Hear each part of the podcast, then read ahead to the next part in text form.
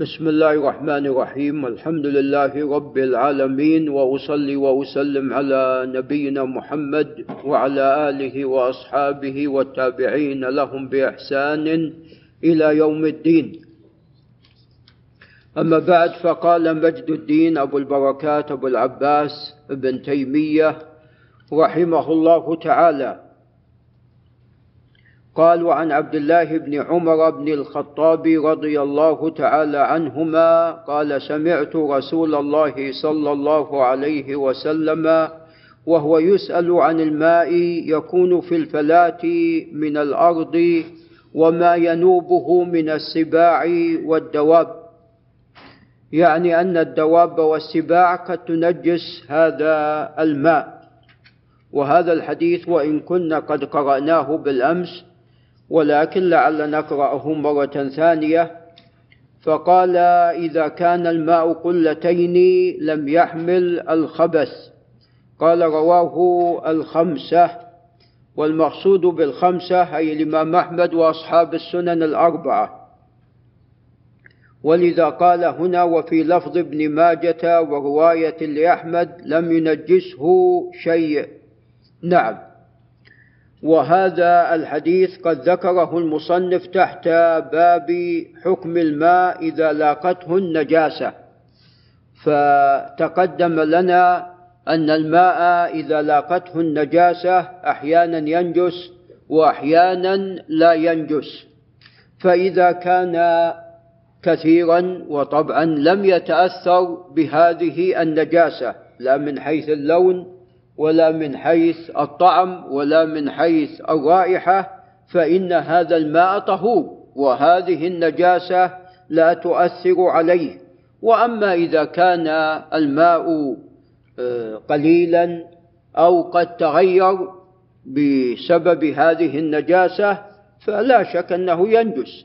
وإذا تغير الماء بسبب النجاسة هذا بالاتفاق ليس ذلك محل خلاف. وإنما محل الخلاف إذا لم يتأثر وكان قليلا. فعندنا ثلاث صور. الصورة الأولى إذا تأثر فهذا نجس قولا واحدا سواء كان قليلا أم كثيرا.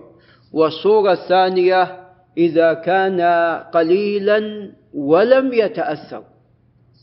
نعم. فهذا محل خلاف. والصورة الثالثة إذا كان كثيرا ولم يتأثر فهذا طاهر. نعم. إذا عندنا الصورة الأولى بالاتفاق أنه نجس الثانية محل خلاف بين أهل العلم الثالثة هو طاهر إذا كان كثيرا ولم يتأثر. وقد اختلف العلماء في الماء الكثير أو القليل والصواب ما جاء في هذا الحديث إذا كان الماء قلتين لم يحمل الخبث. وتقدم لنا أن القلتين هي تقريبا خمسة قرب. نعم. وأنه قد نقل أن القلة الواحدة تسع قربتين وزيادة. فقالوا نجعلها الزيادة إلى النصف. نعم احتياطا. لأنه يعني لو كان آه هذه لو كانت هذه الزيادة يعني ثلاث إلا قليل ما قال قلتين وزيادة. يعني هي دون النصف فقالوا نجعلها للنصف. فإذا كان القلة الواحدة قربتين ونصف إذا قل قلتان خمس قرب. نعم. وتقدم لنا بالأمس أن هناك من قدره باللتر فقال مئة وستين ونصف اللتر. مقدار هذه القرب الخمسة وبعضهم قال أقل وبعضهم قال أكثر. نعم.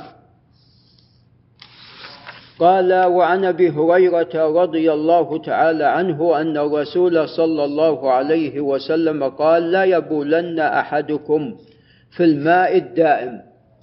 وهذا الحديث قد تقدم بعض ألفاظه وهنا المصنف ذكر أيضا الفاظا أخرى له. وتقدم لنا أن الماء الدائم المقصود به الذي لا يجري ولذا قال هنا الذي لا يجري ثم يغتسل فيه. إذا نهى عن شيئين عليه الصلاة والسلام نهى عن البول في الماء الدائم ونهى عن الاغتسال فيه. نعم. وكلا الأمرين قد جاء النهي عنهما لوحدهما. نعم يعني لا يظن أنه آه، أحدهما مرتبط بالآخر بحيث أنه إذا لم يبل لا بأس أن يغتسل فيه من الجنابة. نعم. أو أنه إذا ما أراد أن يغتسل من الجنابة لا بأس أن يبول فيه. لا. البول جاء النهي عنه لوحده لا يبولن أحدكم في الماء الدائم. وجاء أيضا النهي عن الاغتسال في الماء الدائم لمن كان جنبا. ولذا تقدم لنا أن أبا هريرة قد سئل عندما حدث بهذا الحديث. قالوا كيف نفعل؟ قال تتناوله تناولا تتناوله تناولا. يعني تغرف وتغتسل. نعم تأخذ حاجتك من هذا الماء ثم تغتسل. لأنك إذا تقحمت فيه وغطست فيه سوف تقذره وتلوث على غيرك. نعم. كما أنه إذا جاء شخص وبال والثاني والثالث الماء راح ماذا؟ راح ينجس يفسد هذا الماء. نعم. وتقدم لنا أن أن في هذا حفظ لهذه النعمة العظيمة. نعم. قال رواه الجماعة أي الإمام أحمد وأصحاب الكتب الستة الشيخان وأصحاب السنن في المجموع سبعة. قال وهذا لفظ البخاري ولفظ الترمذي ثم يتوضأ منه. نعم. طبعا يتوضأ منه أصح. نعم وهي جاءت في مسلم. هي جاءت في مسلم جاءت من وجهين. جاءت من وجهين منه جاءت من وجهين. ولعل الأستاذ أبو بكر ينتبه في فرق بين فيه ومنه. فيه للظرفية.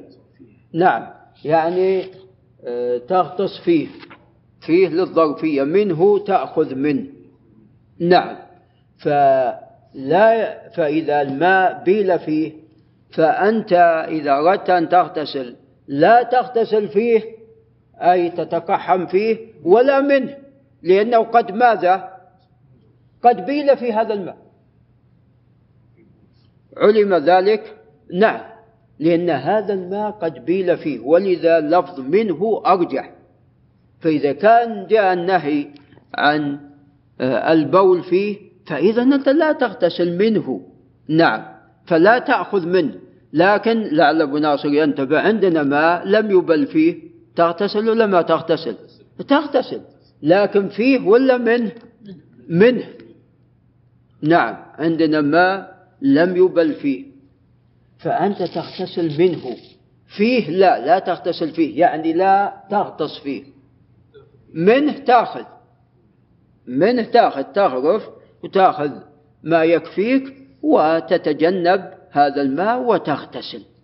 نعم حتى أيضا غسلك لا يروح إلى ماذا؟ إلى هذا الماء. نعم. فهذا ما يعني جاء به الحديث. قال ولفظ الباقين ثم يغتسل منه. هذا لفظ مسلم وأصحاب السنن. والذي في الترمذي يؤيده ثم يتوضأ منه. نعم. فأنت لا تغتسل ولا تتوضأ. كلا اللفظين قد جاء. والنهي عن الوضوء من باب أولى النهي عن الاغتسال. قال ومن ذهب إلى خبر القلتين حمل هذا الخبر على ما دونهما يعني الذي صحح خبر القلتين وهو خبر صحيح. طبعا حديث القلتين خبر صحيح عل بما لا يعل. نعم وذلك أنه وقع في إسناده اختلاف هو جاء من حديث محمد بن عباد بن جعفر وفي رواية محمد بن جعفر بن الزبير. إما هذا وإما ذاك. مرة أحد الرواة ذكر هذا ومرة الثاني ذكر الآخر. وهذا لا يؤثر هنا. لماذا؟ لأن كلاهما ثقة. محمد بن جعفر بن الزبير ومحمد بن عباد بن جعفر. نعم. كلاهما ثقة. فلا يؤثر. كذلك أيضا راوي الحديث عن عبد الله بن عمر قيل أنه ابنه عبد الله. عبد الله عبد الله بن عمر له ولد اسمه عبد الله وله ابن آخر اسمه عبيد الله فالحديث قيل أن الذي راويه عبد الله وقيل أن الذي راويه عبيد الله بن عبد الله وكلاهما ثقة. فإذا لا يؤثر فالحديث صحيح حيثما دار الإسناد فإنما يدور على ثقة. نعم. ولذا قال المصنف ومن ذهب إلى خبر القلتين حمل هذا الخبر على ما دونهما. يعني قال إذا كان هذا الماء دون ذلك. نعم. معنى ذلك أن المياه الراكدة إما أنها كثيرة وإما أنها قليلة. المياه الراكدة إما أن تكون كثيرة وإما أن تكون قليلة. فإذا كانت كثيرة فيقول لا بأس أنك تغتسل. والأولى أن لا تغتسل. لأن كثرة الاغتسال يؤدي إلى ماذا؟ إلى إفساد الماء. وأما إذا كانت قليلة فقولا واحدا لا تغتسل. قال وخبر بئر بضاعة. وخبر عفوا قال نعم وخبر بئر بضاعة. هذا معطوف على ما قبله. على ما بلغهما جمعا بين الكل؟ طبعا خبر بئر بضاعة تقدم أنه لا يصح. نعم. ولعل نقف عند هنا. هذا وبالله تعالى التوفيق.